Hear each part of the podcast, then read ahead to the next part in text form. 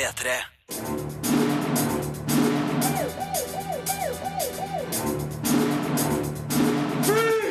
Filmpolitiet! What's your name, dude? Birger Vestmo. What kind of stupid name is that? Robert Downey jr. og Robert Duvall spiller solid i premierefilmen The Judge. Den første teaseren til Star Wars episode 7 kommer i dag. Vi diskuterer hva vi kanskje får se. Netflix-serien Marco Polo tegner til å bli et storslagent historisk eventyr. Vi har sett de seks første episodene. I tillegg til det her anmeldes premierefilmene 71, Fasandreperne og Fortellingen om prinsesse Kaguya, og de nye spillene Little Big Planet 3 og World of Warcraft Warlords of Draenor. Filmpolitiet anmelder film.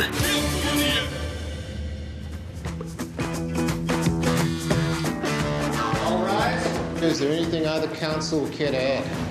My mom passed away this morning. Is this the first time your mother passed away, or is this something you do on all the cases you're about to lose? First time. To Roberta braker sammen i familiedramaet The Judge, der en bortkommen sønn må gjenforenes med sin harde far. Det er en film med godt skuespill, sympatiske figurer og sterke undertrykte følelser som truer med når som helst å bryte overflata. Samtidig er det her et rettsdrama som mangler den helt store nerven, og blir etter hvert en litt for rutineprega blanding av I Object og Overruled. Men solide rolle av Robert Downey jr. og Robert Duvall gjør The Judge severdig. The infamous Hank Palmer. The jaded lawyer with no respect for the law? Hank Palmer, spilt av Robert Downey jr., er den skruppelløse storbyadvokaten som må dra til den lille hjembyen Carlinville for første gang på mange år når mora dør. Der må han stå ansikt til ansikt med faren Joseph, spilt av Robert Duvall, som er byens strenge dommer. De har alt annet enn et godt forhold, men sønnen føler likevel at han må hjelpe når faren like etter begravelsen blir mistenkt for en forbrytelse. No here, I I. Filmen legger ut et åpenbart spor ganske tidlig i filmen, som viser seg å ikke være et spor likevel. Jeg liker ikke å bli lurt. Selve rettssaken er en middels spennende affære. Billy Bob Thornton spiller aktor på hevntokt, som kanskje ikke er en veldig troverdig motivasjon, og den verbale tvekampen mellom han og Robert Downey jr. mangler gnist og nerve. Rettssaken er òg prega av en mangelfull bevisføring, som jeg tror vil drive politietterforskere til vanvidd. My father's a lot of unpleasant things, and murder is not one of. Det som er filmens sterkeste kort, er samspillet mellom de to Robertene. Det er interessant å se hvordan den betente situasjonen mellom dem må adresseres gjennom flere dagers interaksjon, der begge må gjøre innrømmelser overfor hverandre angående gammel dårskap. Gradvis dannes det et bilde av hva som en gang drev dem fra hverandre. Jeg liker òg skildringa av søskenforholdet til storebror Glenn, spilt av Vincent D'Onofrio, og den autistiske lillebroren Dale, spilt av Jeremy Strong. Det fins deler av filmen som sklir ut i såpelandskap, som Hanks forhold til den gamle flammen Samantha, spilt av Vera Farmiga, og hennes datter Carla, spilt av Leighton Meester, samt forholdet til hans egen datter, Lauren, spilt av Emma Tremblay. Det er mange figurer her, og mange forskjellige tråder som ikke alle er like interessante. Kanskje burde The Judge ha kutta ned på persongalleriet og fokusert sterkere på de viktigste figurene. Men filmen er kompetent regissert av David Dobken, og de to Robertene er såpass sterke kort at filmen er verdt å få med seg. You and I are finally done. Oh, we're not done. Terningkast fire. Dette er lyder som er kjent for alle filmfans. Det skal handle om Star Wars, eh, Rune Håkonsen. Ja, jeg, Birger, jeg våkna i dag, jeg har hatt høy puls, jeg har, uro i kroppen. Altså, Jeg klarer ikke å fokusere på, på det jeg skal gjøre på jobb engang, så det er nesten så jeg merker at jeg bare begynner å bable her jeg sitter nå. altså. Og grunnen er at i dag skal vi få den første smakebiten på Star Wars episode 7, The Force Awakens. Den første teaseren er annonsert fra offisielt hold. Den har ikke kommet på nett enda, men den skal komme på et eller annet tidspunkt i dag. Og vi er superspente. Det som er veldig spennende og ekstra spesielt med denne traileren, er at vi vet jo veldig lite.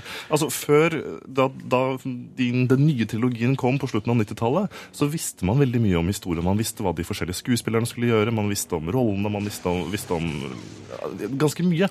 Denne gangen her så vet vi veldig lite. Vi vet at Millennium Falcon er med. Vi vet at de gamle skuespillerne skal gjenta sine roller, og vi vet hvilke skuespillere som er nye. Men hvilke roller de skal ha, og hvordan de plasseres inn i historien, dette er ting som vi er helt i det blå om. Ja, De har vært veldig flinke til å holde et lokk på produksjonen her. Og det gjør jo selvfølgelig at ryktene eh, på den o så populære ryktebørsen på internett eh, selvsagt eh, går jo, har gått varm i, i flere år allerede. Men jeg føler at alle de her ryktene må tas med enorme mengder salt, for oh, ja. det er jo ingen som veit noe, egentlig. Og, og, og som du sa, det synes jeg er imponerende at regissør JJ Abrams har klart å, å holde Altså, Det er jo verdens best bevarte hemmelighet akkurat nå, vil jeg si. Og i dag så skal vi da forhåpentligvis få et lite blikk på hva det er han har planlagt for den store filmserien. Men den offisielle Star Wars Twitter-kontoen hadde hadde hashtaggen eh, 88 seconds. Det vil jo si at det, det blir ikke den største teaseren, det her. Det blir, det blir en veldig kort, liten smakeprøve. Og det er jo mye som skal formidles i løpet av en sånn kort eh, smakebit, så noen spekulerer i at vi skal få se stillbilder av ansiktene til de nye heltene, altså de nye skuespillerne, John Boyega, Daisy Ridley osv., og, så og få et lite blikk på hvordan disse blir seende ut i den nye fortellingen. Eh, Mens andre har litt mer eh, vidløftige håp om hva, hva traileren skal fungere. Dette er jo også en teaser-trailer. Ja. Interessant nok så, så, så la da sjefen for Disney i Frankrike ut en tweet som veldig fort ble sletta igjen, der han uh, blir sitert på at uh, traileren skal komme kvart over fire europeisk og da norsk tid. Ja. Uh, Det er også rykter bare det her, så vi vet jo ikke noe om det, men, men det er i hvert fall det lille håpet jeg klamrer meg fast til akkurat nå. Jeg har blitt etter hvert ganske flink til å, å senke forventninga foran sånne store trailer- eller teaser-slipp. Og jeg ser for meg at her blir det ca. halvparten sånne tekstplakater med sånn Hans Zimmer-musikk på. Sånn bwa, bwa, Og så litt, litt Star Wars-musikk her. Og så, sånn, da, da, da. Sannsynligvis, men jeg tror ikke vi kan forvente helt store slipp av effektscener, fordi filmen er jo så vidt ferdig innspilt. Ja, det er bare noen uker siden de rappa, som det heter, innspillingen og gjorde seg ferdig med hovedfotograferingen. Eh, Så arbeidet nå med å lage alle de digitale effektene er det som virkelig vil ta det neste året, fram til filmen får premiere da eh, Nå nå har jeg helt jernteppe, jeg. Desember. I eh, neste år, ja. Dette nå begynte jeg å bli redd for var 2016. Nei da, det er ett år unna. Men jeg håper at de har lagt litt arbeid ned i denne teaseren. da. At det ikke blir sånn som starten på Jurassic World-teaseren som vi så nå nylig. Jeg, jeg, jeg så bare de første fem sekundene, og så slo jeg av. Fordi den introen der med den digitale porten Jo, men interessant nok, det her må legges til at regissøren har sagt at den skal bare brukes i traileren. Ja, Men altså, når det er den første smakebiten fra jo da, den nye filmen, da bør man legge litt flid i det, og det håper jeg JJ Abrams og Star Wars-folka har gjort, da. Vet du hva, Jeg tror på JJ Abrams. Jeg, jeg tror på han, jeg. Star Wars episode 7, The Force Awakens. Første teaser kommer altså da på nett i løpet av dagen. Et øyeblikk, nå må man bare refreshe Du må bare dobbeltsjekke. Nei, den har ikke kommet ennå.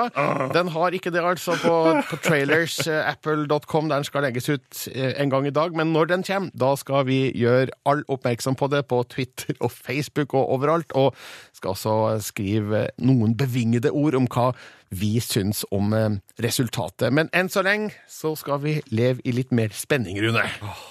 Filmpolitiet anmelder TV-serie.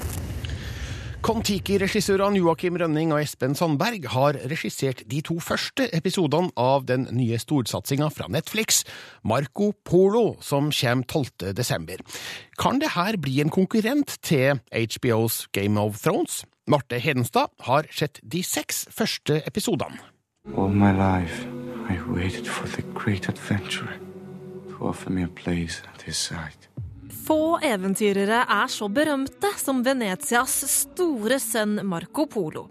Eventyreren med de eksotiske fortellingene om det fjerne Østen har vært gjenstand for fascinasjon og debatt siden hans skildringer av Asia kom ut på slutten av 1200-tallet. En rekke filmer og TV-serier har blitt laget om Marco Polo, og når det nå er Netflix sin tur, slår de virkelig på stortromma. Det er ingen tvil om at strømmegiganten med Marco Polo ønsker å ta opp kampen mot HBO og Game of Thrones. Dette er et episk karakterdrama fullt av intriger, politikk, krig og sex. We wish to pay tribute to my kind from my journeys along the Silk Road. Marco Polo tilbrakte 24 år i Asia, men Netflix har valgt å fokusere på de første årene av Polos reise og hans tid i hoffet til den mongolske keiseren Kublai Khan. Barnebarnet til Djengis Khan og hersker av det mongolske riket, som strakk seg helt fra Nord-Kina i øst til Russland og Persia i vest. If it pleases your greatness, you may take my son. Father, what are you doing? Den italienske skuespilleren Lorenzo Richelmi kler rollen som Marco Polo godt, og gjør en av de mer troverdige portretteringene av figuren jeg har sett. I serien selger Marco Polos far ham til Kublai Khan for å få lov til å handle langs Silkeveien. Marcos sinne over farens svik preger ham og settes i kontrast til den stadig økende lojaliteten han føler for keiseren. Marco Polo er imidlertid et karakterdrama der de politiske intrigene står i sentrum, og handler derfor mer om politisk spill og krig enn om Marco Polo selv. Sett med norske øyne er det ekstra interessant at de to første episodene i serien er regissert av Joakim Rønning og Espen Sandberg. Kon-Tiki-regissørene har et godt øye for store filmlandskap og serverer to episoder som imponerer visuelt sett. I tillegg til de flotte panoramabildene får vi også en rekke kampsekvenser som er nydelig filmet av Romain Lacourba. Siden Game of Thrones er den eneste TV-serien i dag med samme produksjonsskala som Marco Polo, er det naturlig å sammenligne de to. Når det kommer til manuset, kan jeg imidlertid ikke si at Marco Polo er på HBO-nivå. Forfatter John Fuscos dialog er god, men ikke fremragende. Og når den i tillegg leveres på engelsk av mongolske, italienske og kinesiske rollefigurer, mister den troverdighet. Netflix skal likevel ha honnør for å satse på en egenproduksjon i så stor skala. Oppskriften med karakterdrama satt i en historisk setting er noe som fungerer godt, og selv om Marco Polo har noen mangler, når den absolutt opp på underholdningsskala. Man who proves his loyalty to me can take whatever he wishes.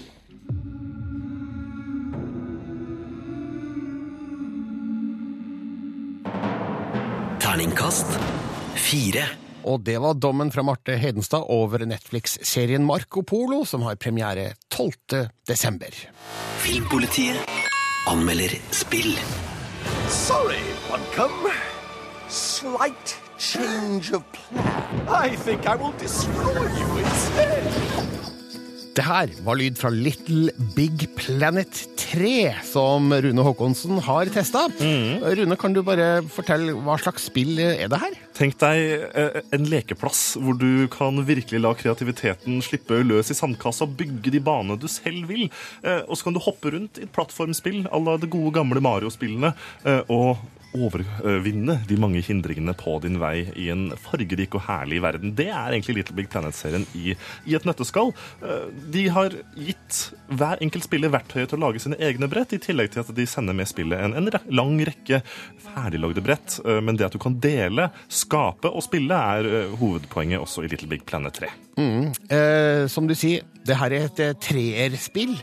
Hva er nytt her i forhold til de to foregående? Eh, For det første så er det ikke Media Molecule, den gjengen som har laga Little Big Planet-serien, som, som lenger eh, styrer spakene i like stor grad. Sumo Digital er et nytt studio som har tatt over og skal ta denne spillserien i ny retning. Det har ført til en god del litt sånn fundamentale, men små endringer i, i spillet. Det ene er at det er fire helter nå, istedenfor bare Sackboy som var før. Så har du tre kompanjonger som man kan spille sammen med, som alle har ulike egenskaper. Det endrer litt på dynamikken i spillet og er ganske morsomt. Eh, Spesielt fordi også at Little Big Planet 3 absolutt er best hvis du er fire venner i en sofa, to, tre eller fire stykker, som spiller sammen. Eh, Store og små eh, familier eller vennegjenger. Det her passer for de aller, aller fleste. Det andre som er nytt, er at skal vi si at som gjør kanskje at spillet ikke når like høyt opp som eneren og toeren, det er at uh, noe av den magien, eller den kreative eksplosjonen som jeg ofte opplevde i de to, i de to første spillene, er ikke til stede. Og jeg spekulerer litt på at det er fordi at Media Molecule, de som opprinnelig laga spillserien, ikke lenger er i førersetet, og at det er nye folk som har eh, tatt over. Det kan være en medvirkende faktor her. Eh, Brettene som følger med, er litt for få. De er veldig vanskelige. Som frustrasjon er litt som større del av opplevelsen enn før. Og jeg tror nok også at dette henger sammen med at det er en ny gjeng som har tatt over eh, spillet og, og kjørt i en litt ny retning. Hvilken konsoll har du testa det her på? Det kom jo da til PlayStation 3 og PlayStation 4. Jeg testa det på PlayStation 4, og rent visuelt så er det utrolig gøy å se eh, disse dokkene, for det er jo laga av, av tekstiler og materialer som, som nærmest ser ekte ut på skjermen. Og det er veldig fint og veldig flott, og det er fortsatt et stort fokus på å samle diverse materialer. Du kan bygge dine egne baner med de materialene du samler, og ikke minst så kan du kle ut figurene dine i fabelaktige, morsomme kostymer. og det er kanskje mest retta mot barn, men også for meg så er det ganske artig. Så alt i alt et spill som fortsatt er gøy, men ikke når helt opp til sine forgjengere. Terningkast fire. P3. P3. Filmpolitiet anmelder film. Welcome to the regiment. You're being deployed on an emergency basis. Belfast. Den spente situasjonen mellom britiske soldater og katolikker i Belfast tidlig på 1970-tallet er bakteppet for en svært intens neglebiter av en film. Men 71 går ikke dypt ned i politikken. Dette er en thriller med fotfolk på gateplan, med drivende godt skuespill og en rå tidskoloritt som river oss over 40 år tilbake i tid. Dette er tøft regissert av spillefilmdebutant Jan Demange, og er en av årets beste spenningsfilmer. I don't want you worried about me, okay? Menig Gary Hook, spilt av Jack O'Connell, blir utplassert i Belfast i Nord-Irland, der troppen hans skal sikre freden mellom protestanter og katolikker. Men på sitt første oppdrag i et katolsk strøk går noe fryktelig galt, og Hook er med ett alene og forlatt i fiendtlig og ukjent territorium. Han sniker seg gjennom byen mot basen og får hjelp på veien, men et grumsete politisk spill i kulissene skal gjøre returen til en livsfarlig affære. They don't care about you. You're just a piece of meat to. Filmen bruker et minimum av forspill før dramatikken starter, men nok til å gjøre det klart hvem vår protagonist er. Hook er en fersk soldat med begrensa livserfaring, men har sannsynligvis vært nødt til å fighte seg gjennom ungdomsårene. De her egenskapene får han fort bruk for i Belfast, og Jack O'Connell utnytter sine begrensa muligheter godt for å gi figuren liv. Han er ung og sårbar, og har umiddelbart publikums sympati. Come on, I take it back to your bards. Come I'll take it to your bards. Men når sant skal sies, er bifigurene de mest interessante. Spesielt Sean Harris i en utrolig god rolle som den sivilkledde offiseren Browning, som synes å ha en mystisk dobbeltrolle. David Wilmot og Killian Scott spiller òg godt som fotsoldater på den katolske sida, som jakter på menig Hook i Belfasts gater og bakgårder, samtidig som de er brikka i et skittent politisk spill der aktørenes posisjoner kan være uklare. Filmen har flere sekvenser med høyt adrenalinnivå, spesielt Hooks flukt fra skytende forfølgere og en scene med en hjemmelaga bombe. Jan de Manche skildrer det hele med en høy grad av realisme og stilsikker spenning.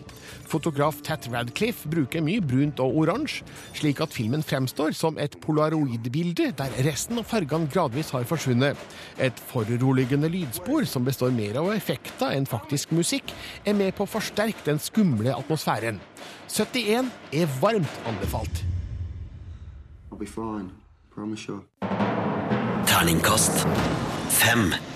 Les mer om film, spill og serier på p3.no Filmpolitiet. Filmpolitiet anmelder film. Transformers Age, Age of Extinction kommer ut på Blu-ray og DVD og strømmetjenester til uka, og den har jeg allerede kikka på, på Blu-ray. Og det som er spesielt med den utgivelsen, er at det er den første Blu-rayen med Dolby Atmos-lyd. Det vil si at man får lyd ikke bare fra fronten og sidene og bak, men også fra oven, fra taket. Men det betyr at du må ha installert Dolby Atmos-anlegg i eh, stua di eller hjemmekinoen din, med høyttalere over der du sitter. Det er det kanskje ikke alle som har, eh, men eh, har man ikke det, så kan man uansett eh, høre filmen i andre vanlige format, da. Til og med i stereo. Det er helt avsindig kvalitet på den lyden jeg har eh, hørt, og også billedkvaliteten er top notch, så det tekniske er absolutt på stell når eh, Transformers Age of Extinction kommer på Blu-ray i neste uke. Men hva med innholdet i filmen? Her er Rune Haakonsens anmeldelse fra kinopremieren. After all we have done, humans are hunting us. Michael Bay har slutta å bry seg. Han gir blanke i kritikere, og han gir blanke i hvilke ingredienser en god film trenger. Han gir blanke fordi han vet nøyaktig hva han driver med. Transformers Age of Extinction er proppfull av dårlige one-liner-sitater, dårlige skuespillere, dårlig dialog og har en dårlig historie. Og den er for lang. Men filmen makter å holde hodet over vannet fordi den er spektakulær. Den er fylt til randen med non-stop eksplosjoner, spesialeffekter og store roboter som slåss så gnista fyker. Og er ikke det nettopp dette filmserien handler om? Shia LaBeouf og resten av det gamle mannskapet er kastet på dør i denne første delen i en ny trilogi om kampen mellom Autobot og Decepticon-robotene. Cade Yeager, middelmådig spilt av Mark Wahlberg, er alenepappa for den altfor tynnkledde 17-årige jenta Tessa, spilt av Nicola Peltz. Pappa er en skrotjeger og oppfinner, og kjøper en dag en rusten lastebil fra en nedlagt kino. Sjokk! Viser seg å være Optimus Prime, og helvete bryter løs. You have no idea what you're involved with here. Den onde CIA-agenten Harold Attinger, sjelløst spilt av Kelsey Grammer, har inngått et samarbeid med den forstyrrede forretningsmannen Joshua Joyce, eh, som er godt portrettert av Stanley Tucci. Fire år er gått siden det ødeleggende angrepet på Chicago i forrige film, og noen få agenter i det amerikanske forsvaret vil utrydde trusselen en gang for alle. But I fear we are all targets now. Det er lett å beskylde Michael Bay for å ha dårlig fantasi, på tross av det enorme visuelle opptoget han disker opp med i Transformers Age of Extinction. Men vent, det er mer. Denne gangen, idet filmen er i ferd med å gå tom for høyoktanbensin, kaster regissør Bay nærmest umotivert inn en gammel robotrase som kan forvandle seg til enorme mekaniske dinosaurer. Huh. Legg til pinlig åpenbar produktplassering, og resultatet er ganske så åpenbart. Men så er det bare å ta inn over seg det faktum at Michael Bay har sluttet å bry seg. Han vet at han kan kaste så mye dritt han klarer på publikum, bare det ser pent nok ut. Han vet at det er få som bryr seg om historien, bare det er noe som eksploderer hele tida. Han vet det er ingen som bryr seg om skuespillerne, bare robotene er kule. Michael Bay har klart kunststykket å allmenngjøre B-filmen og løfte fram dårlig kvalitet pakket inn i dyrt gavepapir og få det til et salgbart produkt. Og ja, Transformers selger som hakka møkk. For jeg er en av dem som kjøper pakken. Selv om jeg forstår hva regissøren gjør, hvordan og hvorfor han gjør det, så lar jeg meg underholde. Transformers Age of Extinction er stor, den er dum, den er spektakulær, den er latterlig, og den er for lang. Men om du vil la deg underholde av store roboter som ødelegger masse dyre ting, så er det denne filmen du skal se på kino denne uka.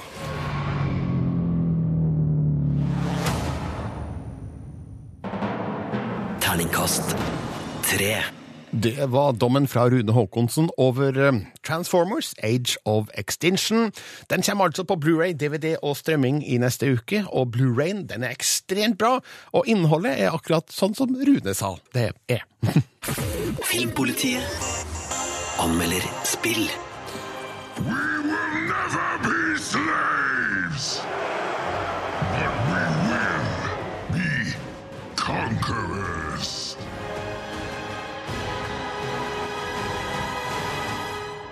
Ti år har World of Warcraft vært giganten av massive online-rollespill. De siste åra har imidlertid brukermassen hatt en knekk, og i august i år var antallet abonnenter nede i 6,8 millioner. Nesten syv millioner mennesker er fortsatt mange spillere, men at spillebasen bikka under de magiske ti, førte til onde tunger som mente at Blizzard var i ferd med å miste grepet. Og det var de kanskje også, men nå er Blizzard og World of Warcraft tilbake for fullt. For Warlords of Draenor er den beste utvidelsespakka siden den første, Burning Crusade, kom i 2007. was not our destiny. Warlords of Draenor tar oss tilbake til røttene. Tilbake til kampen som er sentral i WoW-historien. Nemlig krigen mellom Horden og alliansen. Etter det knusende nederlaget i forrige utvidelse, Mists of Pandaria, reiser Garrosh Hellscream, den tidligere lederen for Horden, gjennom tid og rom til orkenes hjemplanet Draenor for å endre historien. Han tar kontroll over den aller første orkeinvasjonen og har med seg teknologi fra fremtiden for å sikre at hans nye Iron Horde ikke feiler. You will all be conquerors. Historien fortelles svært bra gjennom oppdragene du får i spillet. Stor bruk av scenarioer som ble introdusert med Mists of Pandaria, der du spiller hovedrollen, styrker følelsen av at du er den store helten i fortellinga. Og med gode videosekvenser oppå dette får du en gripende fortelling som engasjerer. Reject this gift. I tillegg til scenarioene er det én viktig ting som gjør at Warlords of Draenor virkelig gir meg følelsen av å være Draenor og Azeroths frelser, nemlig garrisons. Når du ankommer Draenor, blir du kaptein for din egen garnison, utplassert i Nagran. Garnisonen er spesifikk for din figur og er basen for dine operasjoner mot jernhorden. Her kan du sette opp en rekke forskjellige bygninger, som f.eks. smie, sagverk og soldatbrakker, som kan produsere ressurser, gi deg fordeler og gi deg tilgang på yrker du ikke er opplært i. Figurene som befolker garnisonen din, er mer enn bare statister. Du kan faktisk sende dem ut på oppdrag for å sanke inn penger, ressurser og oppgraderinger. Og etter hvert som du utforsker Draenor, vil du få flere følgere i garnisonen. Som alltid kommer det nye dungeons med en ny utvidelse. Og Blizzard klarer her å gi både nye og gamle spillere noe å bryne seg på. Noen dungeons er forholdsvis enkle og vil få hardbarka Vov-entusiaster til å rynke på nesa i forakt, mens andre byr på større utfordringer. World of Warcraft er ti år gammelt. Men Warlords of Draenor er som en vitamininnsprøytning som bringer eventyrlysten og spillgleden tilbake igjen. Det er lenge siden jeg har kjent på en så stor entusiasme for den gamle MMO-giganten som WoW er. Og hvis du er en tidligere World of Warcraft-spiller som funderer på om du kanskje skal begynne på igjen, dette er det rette tidspunktet. Our bond is iron. Our will unbreakable. Who will stand against us?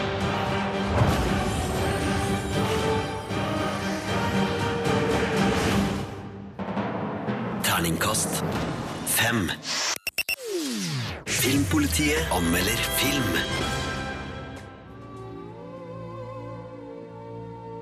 Det eneste, det betyder noe for meg, det er, at du får ditt liv tilbake. Fasandreperne er oppfølgeren til Kvinnen i buret, der vi ble kjent med forfatter Jussi Adler Olsens figura Carl, spilt av Nicolai Likås, og Assad, spilt av Fares Fares, som undersøker uløste krimsaker i avdeling Q. I denne filmen må de bryne seg på nok et mysterium som er spennende nok til å holde på interessen gjennom 119 effektive minutter. Fasandreperne byr kanskje ikke på mange overraskelser, og gåten er åpenbar, men Likås og Fares er et godt radarpar, og regissør Mikkel Nørgaard har greid å lage en underholdende krimfilm som fokuserer mer på hvordan saken løses, enn på hva løsninga er. Kimi Lassen, hun var vidne til dobbeltmord tilbage i 1994. Carl begynner å pirke i en 20 år gammel drapssak mot Assads vilje, men snart finner de ut at noe skurrer. Sporene leder til en kostskole for rikmannsbarn, der noen av aktørene nå er blant Danmarks mektigste næringslivstopper. De må lete etter Kirsten, en gammel elev og et potensielt vitne fra den gangen, som tilsynelatende har vært forsvunnet siden drapene skjedde. Men plutselig er det flere som leter etter er ihjel. Som i den forrige filmen er krimgåtens løsning rimelig lett å finne lenge før Carl og Assad er i nærheten. Men det er fordi publikum vet mer enn dem. Filmen gir oss nemlig tilbakeblikk til kostskoletida, der vi ser hvordan Kirsten blir kjæreste med Ditlev, som sammen med kompisene Ulrik og Bjarne bedriver fritida med voldelige aktiviteter. De er en slags dansk utgave av gjengen i filmen Heathers, som aldri nevnes her, men som kom seks år før hendelsene og kan godt ha vært en inspirasjonskilde for figurene. Og den unge Kirsten spilles av Sara Sofie Bosnina, som faktisk ligner en ung Vinona Ryder. Hun Men lige så skulle som de andre. Kimi prøvde å si sannheten. Hun prøvde. Alle andre holdt deres kjeft. Nåtidsversjonene av Ditlev og Ulrik spilles av henholdsvis Pilo Asbæk og David Dencik, som er blant Danmarks dyktigste skuespillere. De tilfører rollene tyngde og gjør at jeg tror på deres sleiphet, ondskap og uberegnelighet, samtidig som vi kan tro på at de innehar egenskapene til å være smellrike samfunnstopper. Det er kanskje ikke spesielt originalt å skildre rike som skruppelløse individer, og det er kanskje mest en arbeiderklassedrøm å se dem skildra slik på film, men med Asbæk og Denchik foran kamera er det overbevisende nok. Jeg har ikke for det. Som i den første filmen er Lee Kaas og Fares en velfungerende duo, ikke på tross av sine ulike personligheter, men på grunn av forskjellene. Vi får stadig små drypp som beriker historien og utdyper figurenes personligheter. Men hovedfokus er den gjeldende krimgåten, og fasandreperne inneholder nok interessante faktorer til at oppmerksomheten holdes på et rimelig greit nivå. Regissør Mikkel Nørgaard turnerer spenninga godt i en ny, vellykka Scandinavian noir. Terningkast fire. Inn i studio nok en gang kollega Marte Hedenstad. Hei. Hallais. Du er Jeg tar vel ikke for hardt i når jeg kaller deg kjempefan av Studio Ghibli? Det er helt korrekt. Jeg elsker Studio Ghibli, Birger. Ja. De har så mange fine filmer. Det fins kanskje noen som ikke husker eller vet hva Studio Ghibli er. Ja, altså Det er jo da et japansk animasjonsselskap eh, som eh, har gitt ut en rekke kjente filmer, som eh, blant annet Shihiro og heksene, Min nabo Totoro, Prinsesse Prinsesse Mononoke. Og et, et navn vi selvfølgelig da forbinder med Studio Ghibli, er jo Hayao Miyazaki, som er en av mine favorittfilmskapere gjennom tidene. Ja, og i dag er det premiere på fortellingen om prinsesse Kaguya, som hadde japansk premiere for omtrent nøyaktig ett år siden, så det har Mhm. tatt sin tid. Eh, det her er da nest siste film fra Studio Ghibli før de tar en udefinert pause. Ja, de, har tatt, de sier de skal ta seg en pause uten å egentlig si hva det skal bety for Studio Ghibli videre. Um, så jeg er veldig spent på det. Men denne gangen så er det jo da Isao Takahata som eh, har kommet med en ny film. Og han har vi venta i ti år på at eh, skal komme med noe nytt.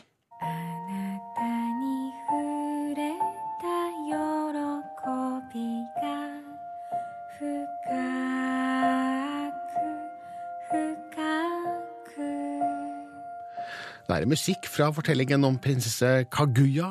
Hva slags film er det her, Marte?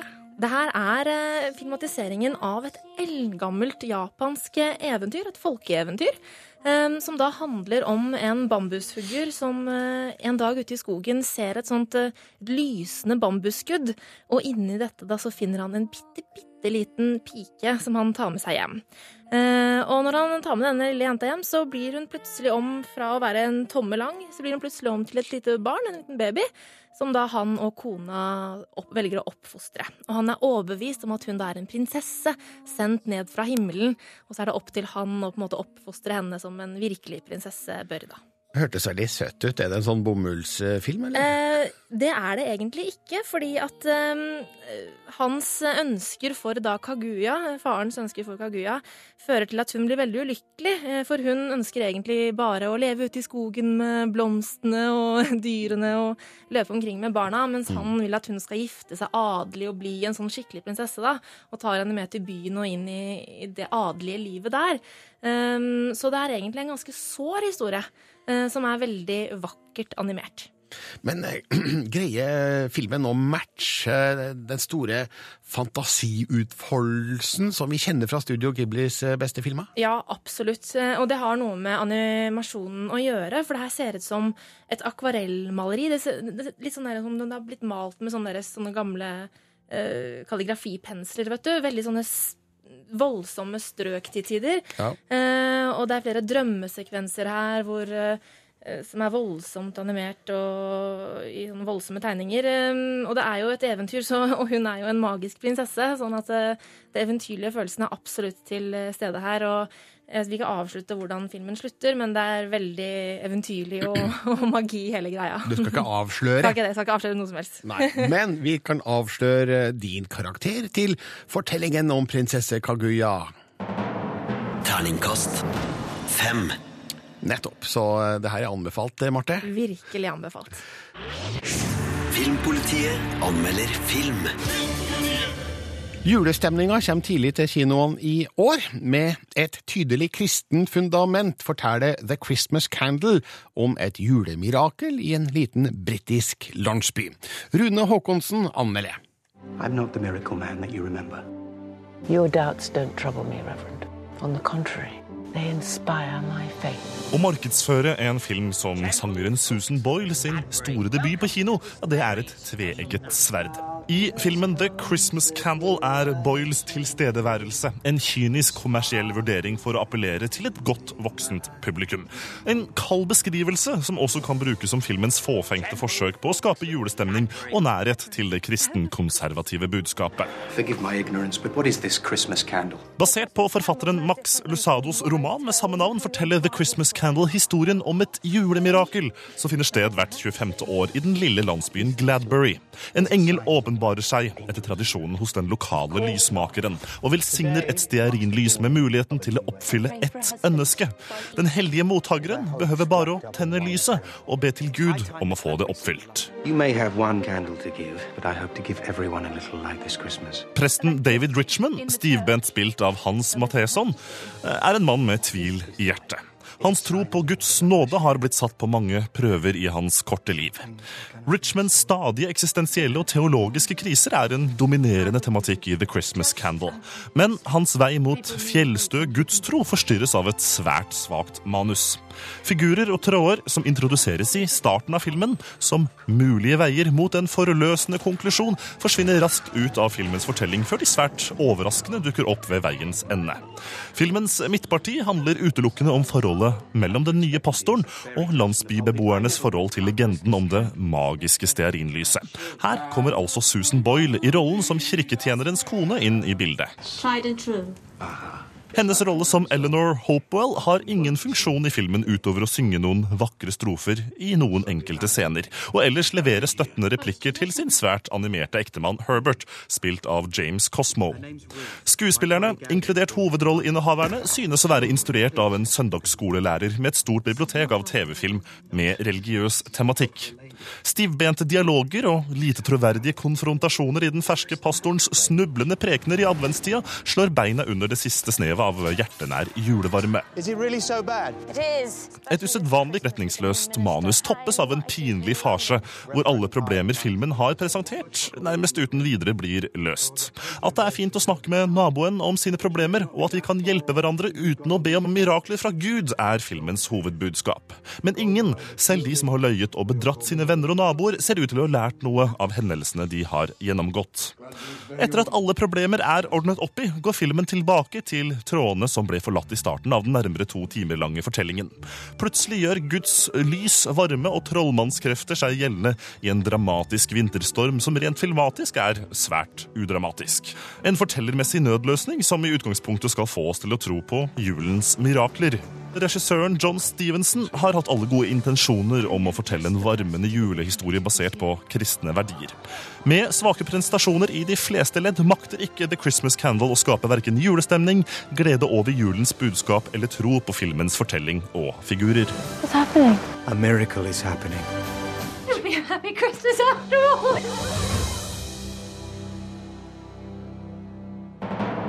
Terningkast to. Les mer om film, spill og serier på p3.no Filmpolitiet. Rune Haakonsen anmeldt The Christmas Candle. Filmpolitiet er ferdig. Sjekk ut alle anmeldelser på p3.no slash filmpolitiet. Jeg heter Birger Vestmo. Ha en fin fredag! Filmpolitiet Med Birger Vestmo. NRK. NRK. P3. Hør flere podkaster på nrk.no podkast.